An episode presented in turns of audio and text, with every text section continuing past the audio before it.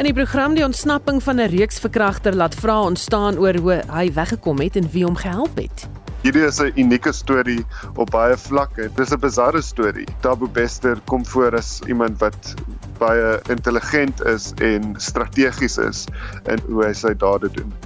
Die veelpartytjie-koalisie in Tshwane beraam planne om die Tshwane spreker uit die kussings te lig en die ontbondeling van Eskom is steeds op die kaarte.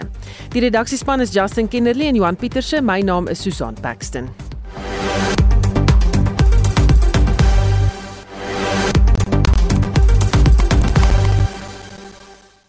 Dis nou 7 minute oor 12. Jy luister na Spectrum. Die DA se kieskonferensie vind die komende naweek in Midrand in Gauteng plaas.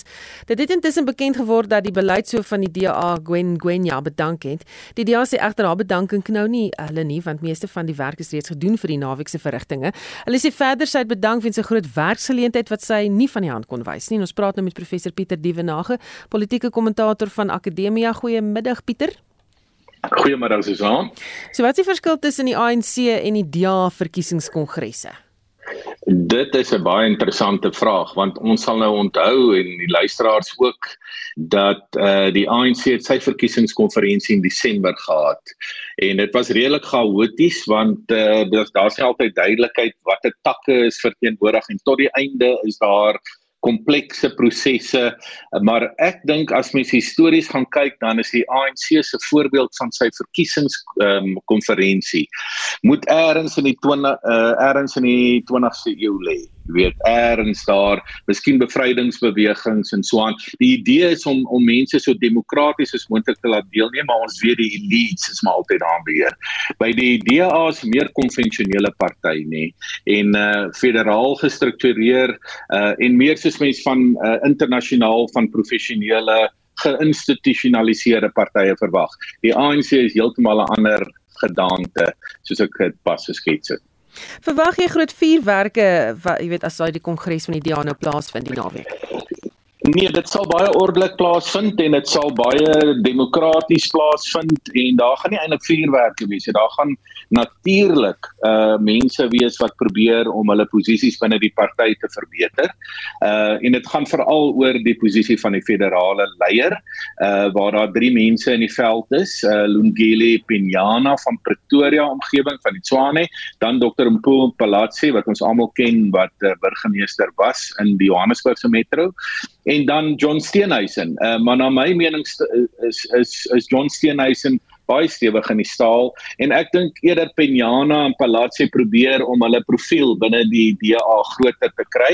En dan gaan dit natuurlik oor die voorsitter van die federale raad wat op die oomblik Helen Zille is en sy word ook deur Peñana hier vanuit die Tswane teengestaan maar ek verwag nie dat Helen Zille enigsins daai posisie gaan verloor nie. So my voorspelling is dat beide die federale leier van die DA, uh, John Steenhuisen sowel as die voorsitter van die federale raad, Helen Zille, sal hulle posisies behou en dit is sal 'n stabiele DA wees wat sigself voorberei vir die 2024 verkiesing wat volgende jaar redelik om die draai is. Is daar ander kandidate wat vir jou uitstaan?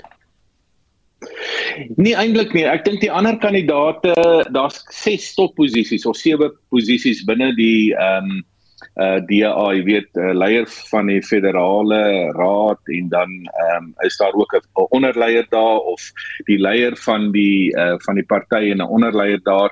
Ek dink die ander kandidate is my so stap onder John Steenhuisen en Helen Zille minder bekend, maar dis nou hulle geleentheid jy weet om by die konferensie hulle posisie te verstewig en ek dink dis hoe mense um, iemand soos Dr. Mpumpalatsi se uh, optrede kan sien. Dis interessant is hy het net vir een posisie gestaan terwyl iemand soos Lungile Peñana staan vir verskeie posisies. Hmm. So dit is interessant. Ek persoonlik voel dat Palatsi moet al eers uh, in Johannesburg bewys in die metro voordat sy uh, nasionale aspirasies kan volg.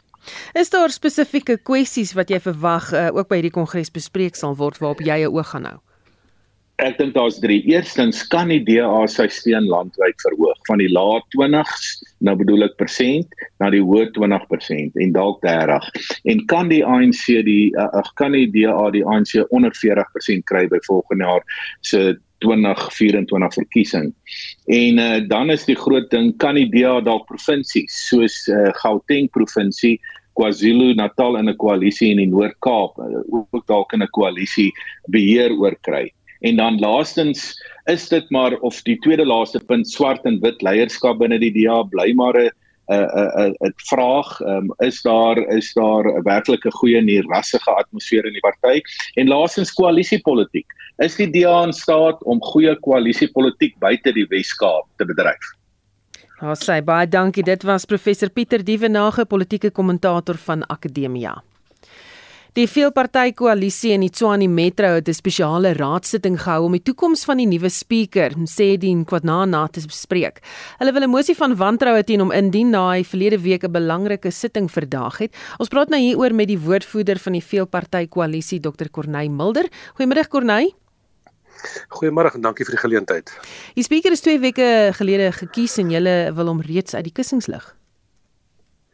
Wel, hy moes nooit verkies gewees het nie. Jy sal onthou dat die verkiesing was omstrede in die eerste plek. Hy's verkies nadat 69 stemme van die DA uh as ongeldig verklaar is wat ook 'n dispuut is. Uh interessant, die die OFK het besluit dat dit sou geen verskil gemaak het aan die uitslag nie en daarom doen hulle dit. Dit sou presies die verskil gemaak het, hy sou nooit verkies gewees het nie. Maar hoe dit ook al sê, intussen tyd het hy homself bewys as 'n omstrede spreker uit verlede week wat ons desperaat is, almal van ons in Pretoria aan belang van Swane om 'n nuwe burgemeester te verkies het hy net eenvoudig so meer 'n vergadering verdaag wat dit onmoontlik gemaak het en daarna het hy verdere fatale flaters gemaak. Ons het hom bedien met 'n petisie in terme van die strukture wet en hy ignoreer dit. Hy het dit dood eenvoudig geïgnoreer. So hy's heeltemal reg. In terme van ander bepalinge in die wet is daar dan vanmiddag 'n spesiale vergadering geskeduleer vir 3 uur juis om 'n mosie van wantroue om te hanteer en om te verwyder as spreker Goed, kom ons verduidelik vir luisteraars hoe dit werk. Wat behels hierdie spesiale raadsitting? Die spesiale raadsitting kon aangevra word die die strukture wette te bepaling in wat sê dat as 'n petisie geteken word soos 'n versoekskrif wat geteken moet word deur die meerderheid van die raadslede in die stad dan moet 'n vergadering gehou word op die tyd en datum wat dan in die petisie gevra word vir die onderwerp waaroor dit gaan. So ons het toe so 'n petisie gerig aan die uh, speaker en gesê ons wil so 'n vergadering dan hou. Hy het dit doeteenvoudig ignoreer wat totaal buite die posisie is in terme van wat die reg bepaal en wat die wet bepaal. Gelukkig het die wet 'n verdere bepaling wat sê dat indien die speaker dit nie doen nie, dan kan 'n petisie gerig word en dan is dit moontlik vir die munisipale bestuurder om wel so 'n vergadering te belê wat hy toe gedoen het. Hy het die vergadering belê vir vanmiddag 3 uur en by daardie vergadering sal dan die mosie gedebatteer word. Daar sal gestem word oor die mosie en as die mosie aanvaar word, dan is die spreker uit sy pos verwyder wat noodsaaklik is. Want wat vir ons in die veelpartytjie koalisie baie duidelik is, is dat hierdie spreker wat sy verkiesing te danke het aan die ANC en die EFF Onthou nou sy party is die ATM en die ATM het net een setel in Pretoria uit 214, so hy is totaal afhanklik van hulle uit hulle verkies. Solank hy in die speaker stoel is, lyk dit vir my wil hy die prosesse so manipuleer dat die veelpartytjie koalisie nie sy meerderheid kan gebruik om 'n 'n burgemeester te verkies uit ons geleer dat ons die stad op die regte manier kan hanteer en regeer nie. En uh, ons wil graag dit vanmiddag regkry om te begin met daardie proses. Hier seker nou 'n moeilike vraag, maar hoe lank gaan hierdie heen en weer gevegte nog aangaan want mense begin vertroue verloor in die koalisie en die prosesse? Nee, absoluut. Ek wil vir die vir die luisteraars vra moet asseblief nie vertroue verloor nie. Die fout lê nie by die koalisies nie, die fout lê by die ANC wat weier om te aanvaar dat hy die mag verloor het in Tswane en dit is net 'n voorskou van wat ons kan verwag van die ANC as ons kom by die groot verkiesing van volgende jaar provinsiaal en nasionaal. Daar's geen rede hoekom die koalisie nie werk nie. Daar's geen rede hoekom hy nie kan werk nie. Die koalisie bestaan uit daardie vyf partye, die DA, Action SA, die Vryheidsfront Plus, die ACDP en die IFP. Gesamentlik het ons 'n meerderheid. Maar nou word elke ding gedoen op die verskriklikste manier om dit te destabiliseer en onwettig te gehanteer te kry. So ek is oortuig daarvan dat as van ons afhang, ons is gereed. Ons is nie die mense wat stadsraadsvergaderings ontwrig nie. Ons is nie die mense wat betoog en eh, dokumente gryp en stembriewe opskeur nie. Daai goed kom van die ANC en die EFF af. So ons hoop werklik dat vanmiddag um, wat wel waar is, gistermiddag is daar 'n verklaring uitgereik deur die EFF.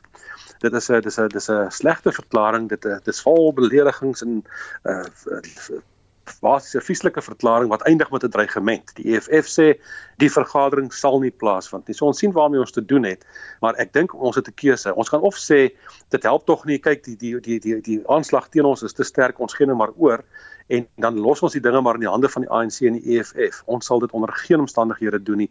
Hierdie ding moet reggemaak en gebreek word dat demokrasie kan seëvier. As die ANC die mag verloor, moet hy aanvaar en 'n oppositie wees en hy kan nie meer maak soos wat hy wil nie. Uh, maar hoekom is dit dat uh, dit so groot impak op dienslewering het byvoorbeeld staatsdiensamptenare of munisipale amptenare moet mos op hulle eie kan werk al is daar nie 'n burgemeester nie. Heeltemal reg, jy's heeltemal reg, hulle is veronderstel om te doen. Die probleem tans hier gaan oor die aanvullende begroting. Die aanvullende begroting moet goedgekeur word deur die raad en die raad kan hom nie goedkeur nie want daar moet 'n burgemeester wees wat hom behandel, wat hom indien en verantwoordelikheid daarvoor aanvaar. Omdat tans nie 'n uitvoerende burgemeester is nie, word die aanvullende begroting nie hanteer nie.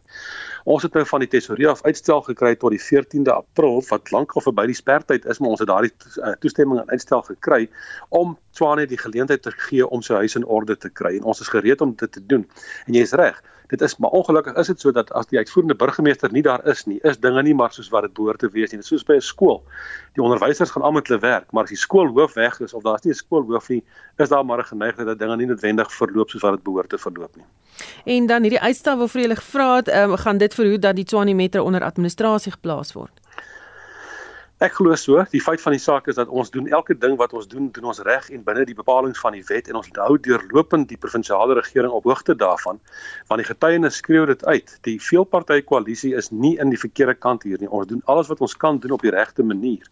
Maar jy sit met mense wat nie omgee om ondemokraties op te tree nie en ek bevrees ons gaan dit vanmiddag dalk 3 uur se kant weer sien uh, as ek na die dreigemente kyk van sekere van die partye daar wat nie wil aanvaar dat hulle in die minderheid is nie. Baie dankie ons gepraat met die woordvoerder van die veelpartytjie koalisie van die Tshwane Metro, Dr. Corneil Mulder. Ons praat nou ook verder met 'n politieke ontlede verbonde aan Unisa, professor Dirk Coetzee. Oor goeiemôre Dirk. Goeiemôre Susan. Die koalisies daar bly onstabiel en dit ry dienslewering in die wiele. Hoe lank gaan hierdie heen en weer gespelery met die bal kan voortduur? Nee, ek dink nie dit gaan baie langer kan wees nie. Ek dink die die deurslaggewende faktor wat besprake is is dat die die koalisie moet eerstens die posisie van die spreker weer terugkry. Um en dis die persoon in die in die uh, raad wat bepaal hoe die agenda uh, gaan wees wat by die verskillende vergaderings dien wanneer wat wanneer watter tipe van besluite geneem kan word. Um en dan onder die leiding van die spreker is dat moet die vergadering dan belê word waar die burgemeester gekies kan word. Ehm um, as dit 'n situasie is waar die die spreker uit een groepering uitkom, sê maar meer die ANC georiënteerde groepering en die burgemeester uiteindelik uit die DA se groepering, ehm um, kan dit moontlik lei tot 'n uh, binnengevegte tussen hierdie groeperings en nie noodwendig goeie samewerking nie. Ehm um, dit kan ook gebruik word deur soos wat ons gesien het dat die spreker hulle eie strategie probeer in te uh, implementeer om van die uh, burgemeester ontslae te raak. Um of om soos wat ons nou van tevore gesien het toe die Kouburgemeester gekies is waar um, dit gebruik is om 'n persoon van die ander groepering 'n verkies te kry as burgemeester. So die die posisie van die spreker is absoluut deurslaggewend. Hmm. Is die uh, koalisie onstuimigheid noodwendig 'n slegte ding? Kan dit lei tot beter leierskap in 'n munisipaliteit as mense weet dat as hulle nie hulle werk doen nie, is hulle hulle poste kwyt? Wel as eh, ek ek dink nie wat nou gebeur kan enigsins goed gepraat word nie. Ehm um, daar is nie regtig goeie uh, gevolge wat ter sprake gaan wees nie. Ek dink wat wat ter, wat wel ter sprake is is dat dit dit demonstreer hoe problematies dit is as daar hierdie tipe van binnengevegte binne die verskillende groeperings is en dat die koalisie dikwels verander. So dit is die waarskuwings wat wat uitgaan van hoe 'n koalisie nie veronderstel is om bestuur te word nie en hoe partye wat deel is en ook uitgesluit is uit die koalisie hoe hulle uiteindelik wat verwag word van hulle en hoe hulle moet optree. En ek dink dat dit wat wat nou meer en meer begin op gefokus word is dat daar moontlik nasionale riglyne moet tot stand kom. Dit hoef nie noodwendig wetgewing te wees nie, maar nasionale standaarde teruglyn oor hoe koalisies in die in die toekoms bestuur moet word. Byvoorbeeld hoe lank die periode moet wees tussen een mosie van wantroue en die volgende. Vir my die mosie van wantroue nou verval in 'n tipe van misbruik wat wat is dieselfde was tydens die oorstap wetgewing wat toe uiteindelik afgeskaf is om daarvan ontslae te raak. En ek praat sê nie dat die mosie van wantroue moet afgeskaf word nie, want dit is 'n belangrike element in enige parlementêre stelsel. Maar dit moet definitief beter bestuur word. Nou as wetgewing nie die antwoord is om hierdie koalisies te bestuur noodwendig nie, uh en koalisies is hier om te bly, moet ons dan nie ons kies en regeerstelsels hersien nie. Ja, dit is waaroor dit gaan. Dit is dis presies dit. Hmm. Ehm um, dit is deel van die kiesing uh, in in regeringsstrukture. Maar alles hoef nie noodwendig in wetgewing vasgevat te wees nie. Ehm um, dit is uh, baie aspekte uiteindelik in baie lande is dit gebaseer op tradisies. Ehm um, en dit is nie iets en daai tradisies kan in sommige gevalle word deel van die gemeenereg. Ehm um, so dit is aspekte wat uiteindelik ter sprake is, maar dis deel van 'n 'n verdieping in in in 'n proses van meer volwasse word in 'n politieke sin waardeur ons gaan. Ehm um, en dis hoogs noodsaaklik. Dis iets wat op hierdie stadium lyk asof dit onstabiel, onstuimig, ongedefinieerd is, maar die uiteindelik die uiteinde daarvan gaan tot voordeel van ons almal wees. Baie dankie. Dit was die politieke ontleder professor Turkutse van Unisa.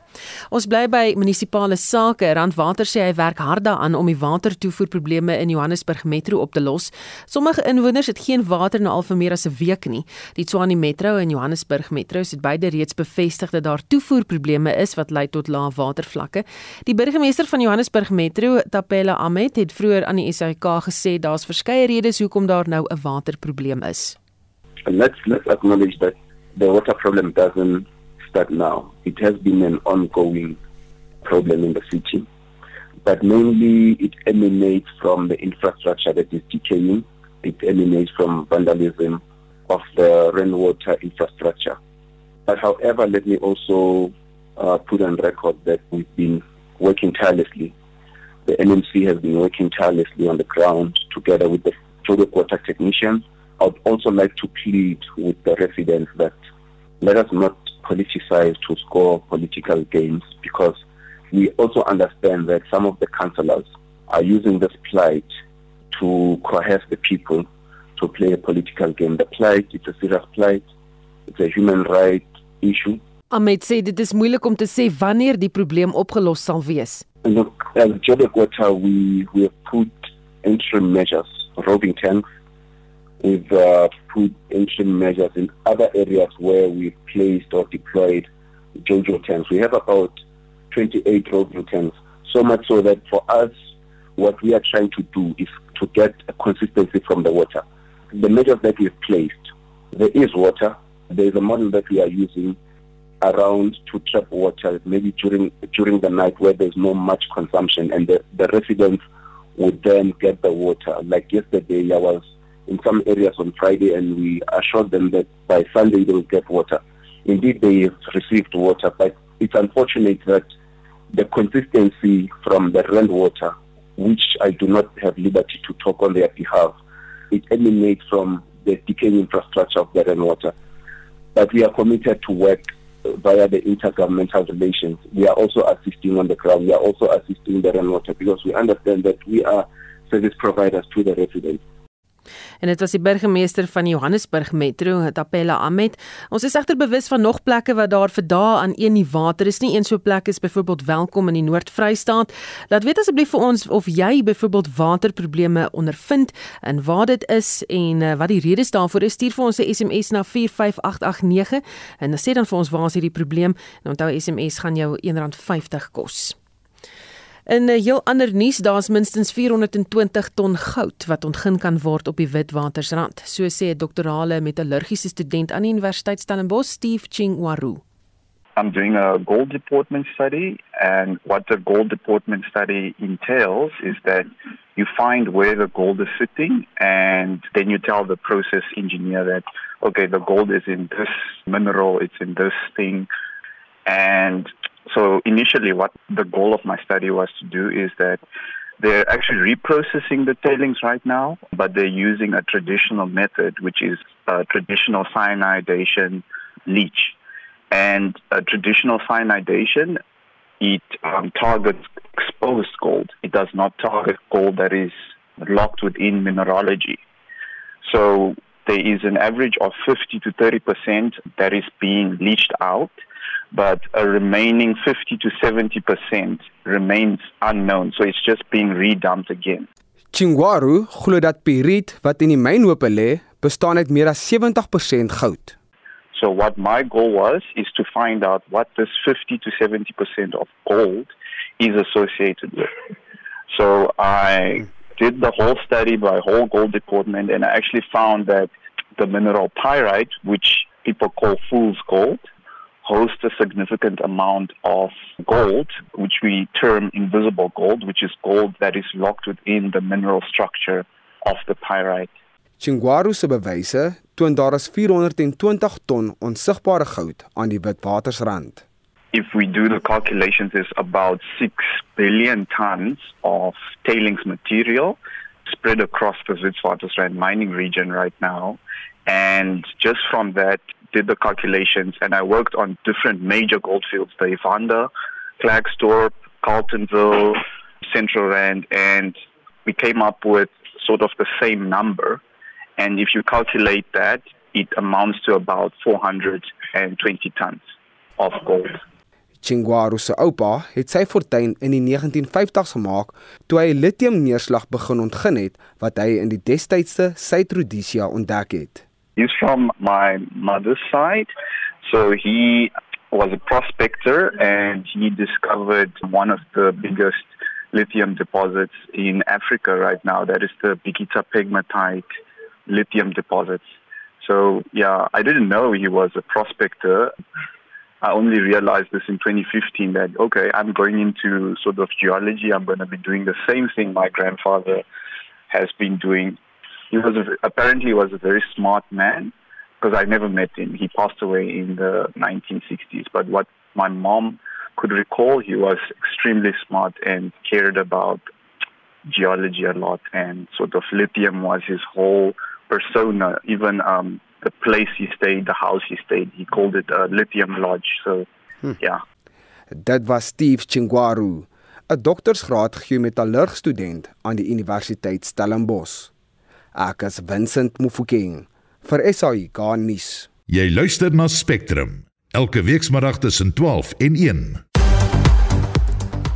In die nuus Johannesburg Metro kan nie met sekerheid sê wanneer sy waterprobleme opgelos sal word nie.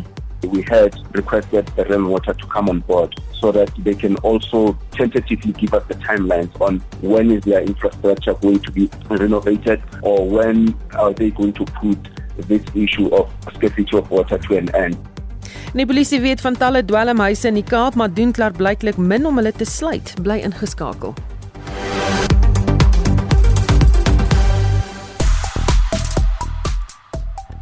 Ja, ons gesels oor uh, probleme wat jy het daar in die metro en uh, of jy enige probleme het wat jy vir ons kan vertel van. En wat dink jy dalk van die koalisies? En nog iemand wat sê dat ons kinders bly in North met in Benou nie. En is met tye het 5 dae sonder krag en water. Dan is dit dan vir 5 ure en dan weer af. En dan is die persoon in hoof letter sê dit is onaanvaarbaar is Christine van Boksburg. En uh, nog iemand wat sê my dogter het Vrydag Benou nie toe gevlieg. Daar aangekom hoor sy dat daar sê dit die oggend 4 uur geen elektrisiteit is nie. Dit is nou maandag en steeds geen elektrisiteit nie. Gelukkig vlieg sy vanaand Duitsland toe so hoekom hoor ons niks hiervan in die media nie seker omdat dit uh, tans die nuwe normaal is sê sy. Uh, maar nou hoor ons daarvan, dankie dat vir ons weet of ons laat weet daarvan dele van Heilbron onder in Guati munisipaliteit, dis ook lyk dit my daar in die Vrystaat het al vir meer as 3 weke in die water uh, probleme nie of het hulle nie water nie, so skynbaar by randwater wat daar probleme is daarom met hulle nie. En Louis Trigard is gemiddeld 3 weke elke maand sonder water. Dis nou al die afgelope 15 jaar al die dam is vol. Nog iemand wat sê Parys in die Vrystaat het amper nooit water nie. Hulle het net verskonings. Hoe moet 'n mens lewe?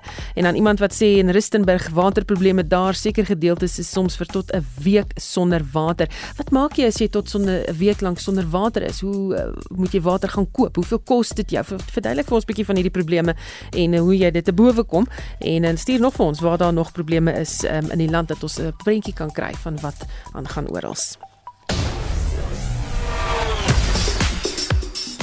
Hier is Christo Gawie met die sportnuus.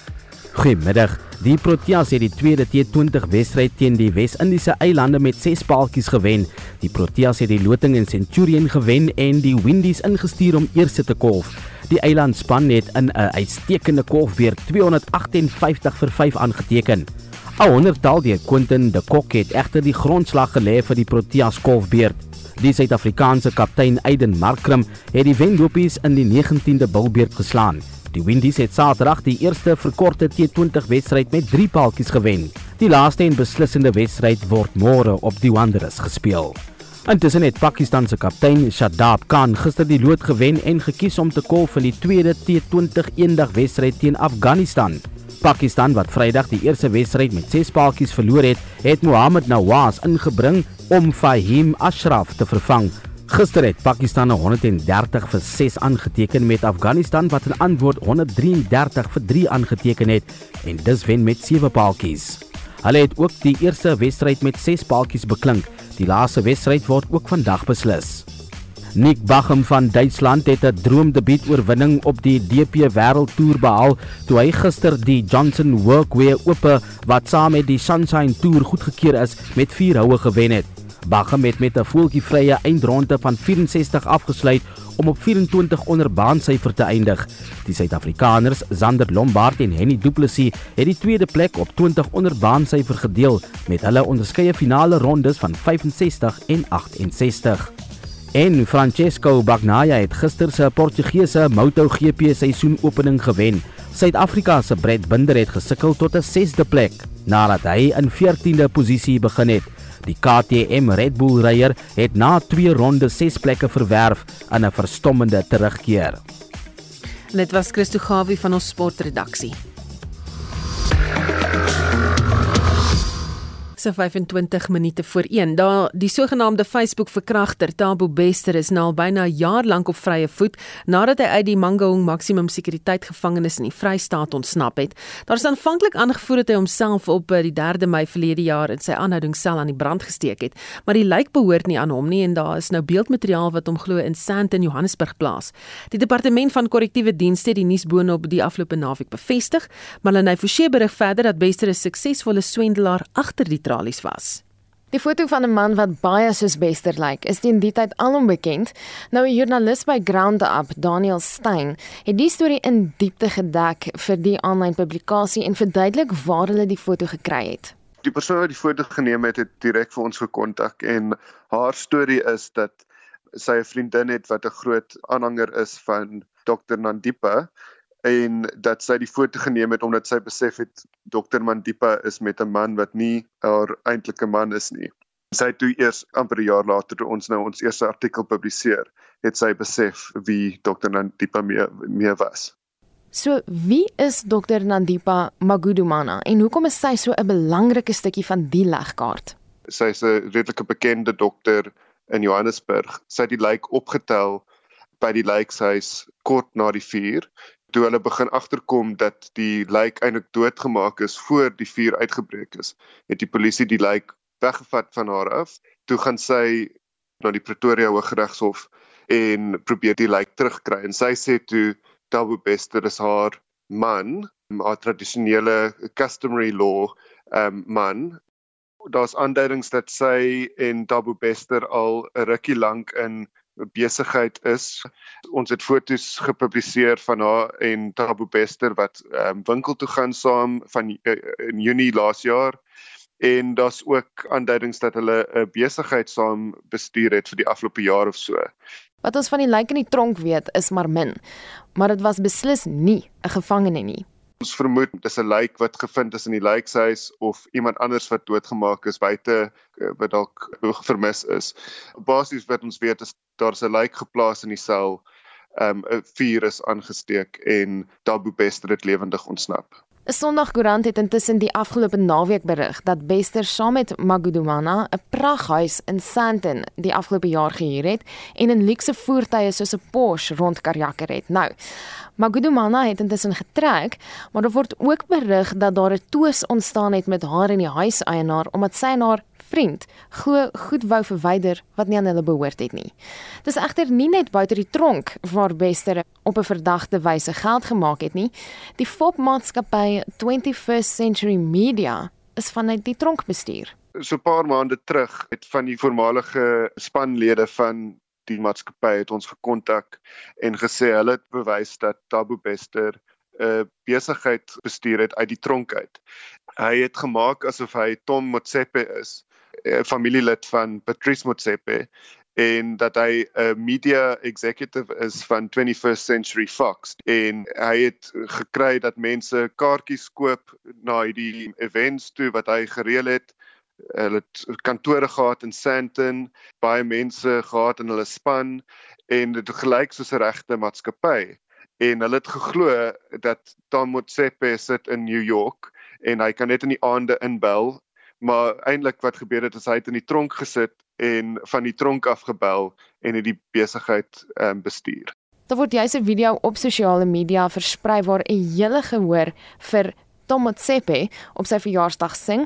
Hy het deftige klere aan en sit teen 'n spierwit agtergrond. Jy sou nie kon raai. Hy sit eintlik in die tronk nie. Ons vermoed dat hy sou die samewerking moes gehad het van mense wat werk vir die departement, mense wat werk vir die tronk, van ander gevangenes en dat hy toegang moes gehad het tot baie geld en dit eh, blyklik dat hy baie geld gehad het en nog steeds het as jy dink aan die groot huis in Sandton. Hiermee saam aan daar 'n aktiewe profiel op aanlyn sosiale media en professionele platforms. En gewoonlik alles onder skuilname. Hy het al baie skuilname gebruik oor sy hele loopbaan en beslis sosiale media gebruik om hierdie personas te skep en gewoonlik dit gebruik om mense te scam. Die departement van korrektiewe dienste het nou eers bevestig dat Bester nie in die brand dood is nie, ten spyte daarvan dat verskeie mense die departement genader het met kommer oor wat werklik gebeur het. So ons weet nie hoekom dit so lank gevat het vir die departement of die polisie om um, te erken dat Abu Bester ontsnap het nie. Dit was Daniel Stein, 'n joernalis vir die aanlyn media publikasie Ground Up. Marlene Forsie, SAK nuus.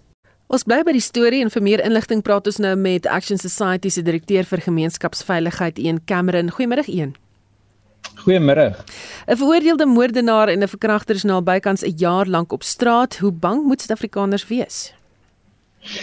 Ek dink nie hulle moet te bang vir hom wees nie. Ek dink dit maak my meer bekommerd oor al die ander honderde duisende wat op buite is. Kyk, Susan is belangrik as konteks om te verstaan dat in die afgelope 5 jaar het die departement van justisie toegelaat dat meer as 97000 skedule 8 oortreders, met ander woorde moordenaars en verkragters vrygelaat word sonder dat daar DNS uh uh samples of uh jy weet by hulle gevat is en en en dit sê vir jou hoe gebroken dit regtig is. So ek moet eerlik wees, dit is 'n verskriklike storie en dit is regtig skokkend. Maar ek dink nie dit is abnormaal nie. Ek dink nie ons besef altyd hoe gebroken die stelsel werklik is nie. Nou hy het op 'n baie interessante manier ontsnap uit die Mangaung korrektiewe sentrum. Dis 'n maksimum veiligheidsgevangenis wat deur die multinasjonale maatskappy G4S bestuur word. Ehm um, hoe verskil dit van ander aanhouding fasiliteite? Uh kyk dit word dit word uh, deur 'n private instansie bestuur uh wat wat uniek is in vergelyking met soveel ander. Natuurlik is die meerderheid ander uh korrektiewe dienssentrums in die land bestuur deur die staat, maar ek moet ook vir jou sê 'n mens moenie ehm um, mens moenie die staat se invloed daar uh te veel onderskat nie. Daar's geen twyfel dat vir hom om hier te hiermee te kon wegkom dat die staat 'n wesenlike rol daarin gespeel het nie. Ek dink daar moet 'n wesenlike ondersoek gedoen word om te bepaal wie die amptenare is wat daarbey betrokke was, want dit is fisies onmoontlik vir een persoon om so suksesvol so iets uh te kan regkry sonder dat hy wesenlike hulp by staatsamptenary gekry het. Ek wil nou vir jou vra, jy weet, wat sê sy ontsnappingspogings vir ons van die stand van sake binne korrektiewe dienste, veral in ag genome hoe lank dit gevat het vir die departement om te erken dat hy dit nie sy lyk is wat in die sel gevind is nie. Ja, dit kyk dit bring ons eintlik terug na die DNS agterstand toe, nê. Ehm um, minister Bekkie Cele het het 'n uh, 'n uh, maand of twee gelede gesê dat die DNS agterstand afgehandel is, maar tog sê hulle is as gevolg van DNS verwerking wat lank gevat het dat hulle nou eers uitslae kon kry. So dit op sigself is is is kommerwekkend. Maar uh, dit sê ook vir jou dat die oorspronklike ondersoek nie gedoen is soos dit soos dit moes gewees het nie. En wat wat ek ook moet sê Susan is dat ons is vinnig en ek self, dit wil jy weet, ons kritiseer die polisie, ons kritiseer die vervolgingsgesag, maar bitter min vra word werklik gevra oor korrektiewe dienste en ek dink dikwels dit is eintlik die vrotste van die drie. Uh as ons nou kyk na na die algemene, jy weet, ehm um, geregtigheidsliggaam in Suid-Afrika. Uh en uh, en vir daai rede dink ek daar's baie vrae wat wat gaan ontstaan staan hier, uit. En dit is vir my snaaks dat minister Ronald Lemola so amper nonchalant, jy weet heel rustig daaroor reageer. Dit is amper asof dit maar net weet aan die orde van die dag is en dit is seker maar. Beplan julle om enigstens betrokke te raak by die saak? Ons het vanoggend met ons span vergader daaroor en ons het 'n baie baie lang gesprek daaroor gehad. Ek sien hulle is tans eintlik nou besig om nog 'n gesprek daaroor te voer.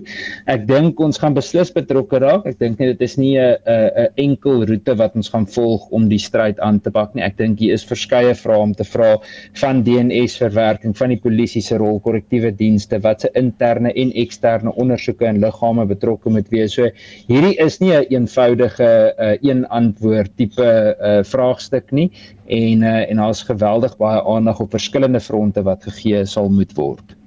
Baie dankie dit was Action Society se direkteur vir gemeenskapsveiligheid Ian Cameron. Die minister van elektrisiteit, Dr. Gonsienso Ramakgopa, sê die ontbondeling van Eskom bly 'n topprioriteit van die regering. Dit nadat hy verlede week aanvanklik tydens een van sy besoeke aan die kragstasies gesê het dat die ontbondeling van Eskom vereers nie prioriteit is nie. Ramakgopa sit sy besoeke aan kragstasies reg oor die land voort vandag wanneer hy die Medupi kragstasies aan besoek. Hy het die afgelope naweek die publiek gevra om minder krag te gebruik om sodoende die regering te help om die kragkrisis te bestuur. Ons praat nou met 'n besoekende professor aan die Wit Sake Skool, Janie Resou. Goeiemiddag Jannie. Goeiemôre Suzane, goeiemôre aan die luisteraars. Hoe belangrik is die ontbondeling van Eskom? Suzane, die ontbondeling van Eskom soos die regering dit op die oomblik voorstel in drie verskillende eenhede gaan geen verskil maak in die huidige situasie nie. Wat ons by Eskom nodig het, is dat die kragstasies in die private sektor afverkoop moet word, dat die private sektor die kragstasies bestuur die krag aan Eskom as 'n netwerkverspreider en in distribusie inverkoop. Eskom het lank reeds nie meer die vermoë om kragstasies te bestuur en spesifiek te herstel nie. So ontbondeling as sulks in drie sakeeenhede gaan geen verskil maak nie. Wat jou indrukke van die minister wat eers sê dit is nie meer 'n prioriteit nie en dan terugkrabbel en sê maar nee wag dit is steeds 'n prioriteit? Ja, dit lyk of die minister 'n bietjie rondsteier. Ek dink die minister lei waarskynlik aan skok na wat hy by die kragstasies gesien het wat daar regtig aangaan.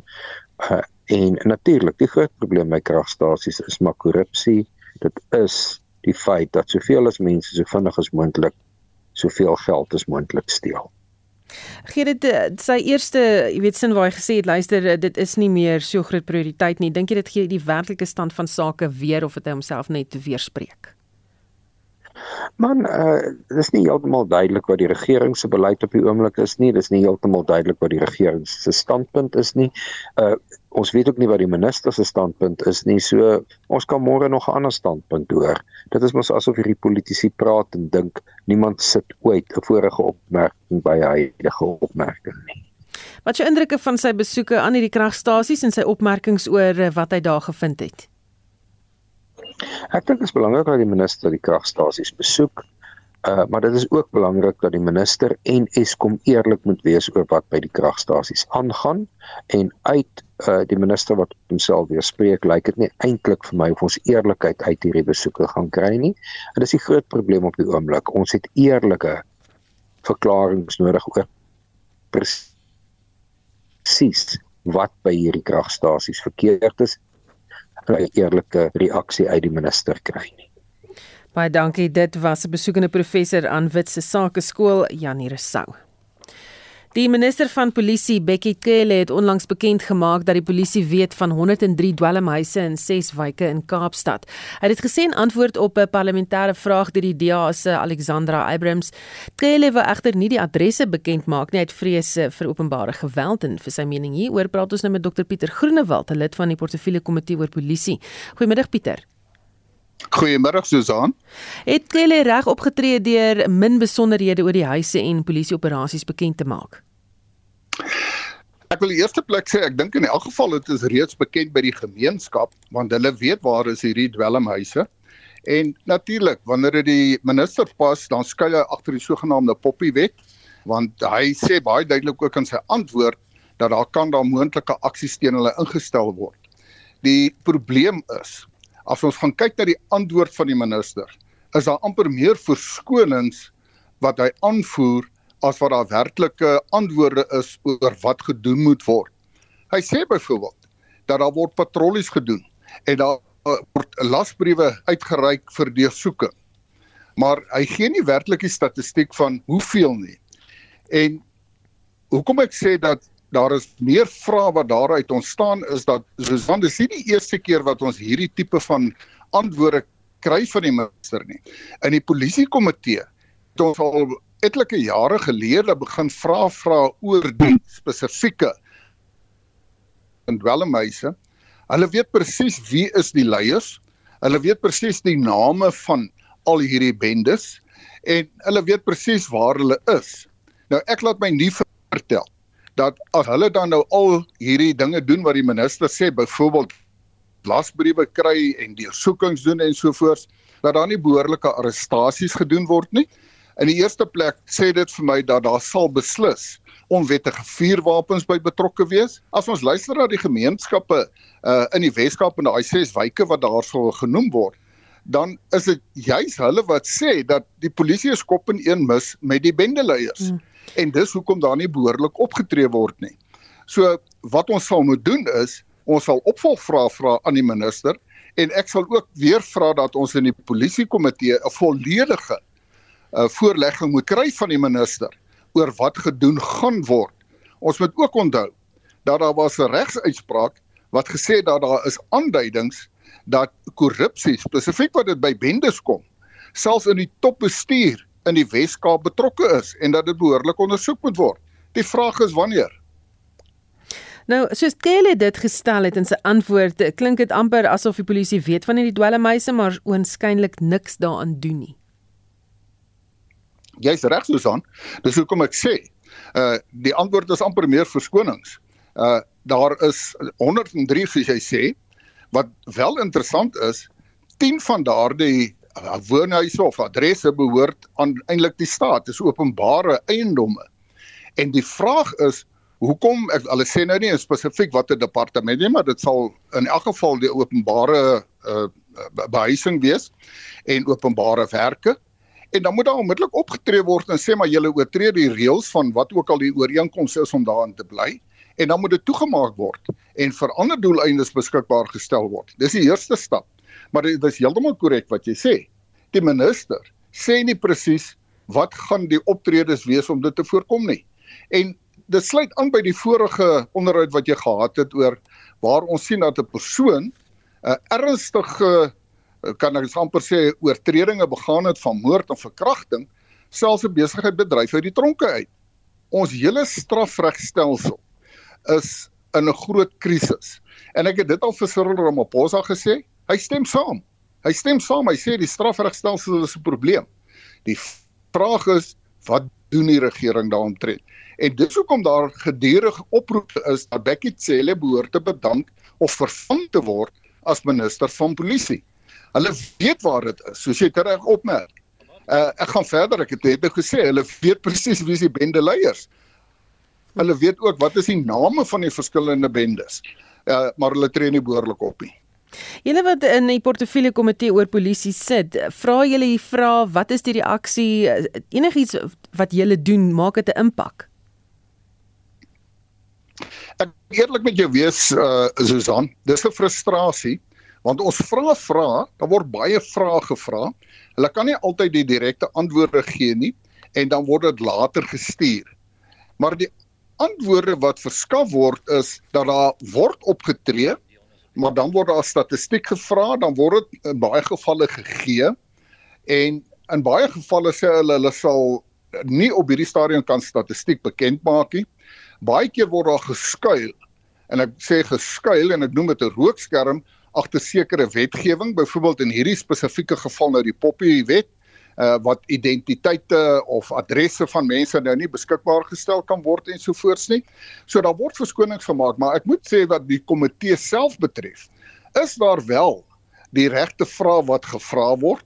Dit hou die amptenary en die topbestuur op hulle tone, maar die werklike optrede ontbreek. En dis my probleem. Hmm. My verdere frustrasie in die komitee op hierdie stadium is baie keer is die minister van polisie nie daar nie. Daar's pertinente vrae wat vir hom gevra word, maar jy gaan 'n va antwoord kry. Jy gaan nie werklike optredes kry nie. Ons het byvoorbeeld nou verlede week gehad oor die landelike beveiligingsstrategie. Maar die werklike optredes op grondvlak ja. ontbreek. Ja. Dis goed om 'n stukkie dokumente in papier te hê, maar dis waar die groot mm. gebrek is en die komitee sal werklik uh, baie sterker wat dit betref moet optree. Baie dankie. Dit was Dr Pieter Groenewald, die Vryheidsfront Plus leier en lid van die portefeulje komitee oor polisie. Vanmiddag word die saakenis aangebied deur Dion Goosen, 'n portefeuljebestuurder by Netbank Korporatiewe Beleggings. Goeiemiddag Dion. Wat as ons aan in luisteraars? In Amerika sluit markte Vrydag van die groen, die Dow was 0.4% hoër, S&P 500 0.6% hoër en die Nasdaq was sterker met 0.3%. In Asië vanoggend het die Hong Kong Hang Seng verswak met 1.7%. Dit is nadat aangekondig word dat die Chinese industriële winssyfers 22,5% negatief is uh, oor 12 maande. Die Japannese Nikkei was op met 0.3% en dan die Australiese ASX 200 sluit hoër met 0.1%. In Europa lyk dit of die bankkrisis van verlede week afgeskit is. Die Britse FTSE is sterker met 0.8%, die Franse Franse CAC 40 is hoër met 1.2% en die Duitse DAX is op met 1.3% op die oomblik. Laaste verhandeling ons algemene indeks hoër met 0.9% en verhandel teen 75339 punte. Die finansiële indeks is 1.8% hoër, dis veral rende wat jy goed doen, dis die staan 2.5% op. Die nywerheidsindeks versterk met 0.9% en dit beide Naspers en Prosus trek so bietjie swaar, maar het 'n goeie week verlede week gehad en dan aan die hulpbron indekskant is op met 0.4%, Sasol wat gedoen die 2.4% hoër. As ons kyk na kommoditeite, goud verswak met 1.5% en verhandel teen 1949 dollar per fyn ons. Platinum is tans laer met 1.8% en verhandel by 966 dollar per fyn ons. En ons 3 bring 3 olie 1.1% hoër en verhandel by 75 dollar 78 sent per vat. In die wisselkoerskant gaan 'n dollar jou in 1839 kos, 'n pond 22.46 en 'n euro 19.72. En die rentekoerse, die R2030 staatsiefek verhandel tans by 9,93%. Aan die ekonomiese kant, uh word die produsent prysindeks donderdag bekend gemaak verwagte syfer of 'n verlaging na 12,3% oor jaarbasis word verwag. En dan, dan natuurlik die Reservebank se rentekoers aankondiging wat donderdag bekend gemaak word. Hoë voedselinflasie bly 'n probleem. Ons verwag uh, 0,25% verhoging wat die prima uitkoers sal vat na 11%. Dankie. Dis van die enige selfde nuus. Dit was die ongewone portefeulje bestuurder by Netbank Korporatiewe Beleggings. En Marlenae sluit nou by ons aan met eh, van die dag se ander nuus stories. En ons begin in die Wes-Kaap, die Rastafari gemeenskap in George vra dat die wetgewing oordag bespoedig word. Die privaat gebruik van die produk is in 2018 reeds gewettig, maar die presiese wetgewing van hoeveel van dit nou mens kan kweek of hoeveel mens kan besit is onduidelik. So die aktivis Rasain Skeepers verwoord die gemeenskap se frustrasie so. Ons weet hulle is besig om die raamwerke te skep, maar ons as 'n uh, gemeenskap en as 'n uh, geloofsgebaseerde institusie, uh, Rastafari, ons is nog steeds geaffekteer deur polisies wat ons vang. So en dan as hulle 'n saak op die hof rol nie en dan na politieke kwessies vra oor Suid-Afrika se uitnodiging aan die Russiese president Vladimir Putin om die BRICS-beraad in Augustus by te woon neem intussen toe selfs in die parlement die voorsitter van die portefeulje komitee oor internasionale betrekkinge Supra Mahumapelo sê hulle soek antwoorde veral in die lig van die internasionale strafhof se lasbrief vir sy inhegtenisneming vir sy rol in die grootskaalse deportering van Oekraïense kinders na Rusland We are going to be writing to the minister that uh, as soon as next week we sit and discuss this matter, just to understand from their point of view as the executive, how are they going to be approaching this matter? Because we do oversight on them. En die FSA se adjunkpresident Kamala Harris het intussen haar weeklange besoek aan die Afrika vasteland begin. Nou vanmiddag in Brandpunt om kwart voor 6 deel Theo Venter verbonde aan die Universiteit van Johannesburg sy mening. Hier so lank 'n voorsmaakie. Amerikaners het vir te lank dit agterweë gelaat. Selfs in die tye van uh, Trump is dit selfs nog verder afgeskaal en ek dink baie van dit wat ons nou sien is ook 'n antisipasie van wat in Amerika volgende jaar gaan gebeur met die presidentsverkiesing is kan die Amerikaners hulle buitelandse beleid so aanpas dat hulle ontwikkelingshulp nie weer gestop word as 'n Amerikaanse president oorneem wat sinies staan teenoor hulp aan Afrika lande nie en dan die Venter verbonde aan die Universiteit van Johannesburg. Dit was Marlenae Forsie met 'n opsomming van eh, die nuushoogtepunte. Nou ons het namens soos uitvoerende regisseur Nicoline de Weer, die redakteur Justin Kennerly en ons produksieregisseur Johan Pieterse. My naam is Susan Paxton bly ingeskakel vir 360.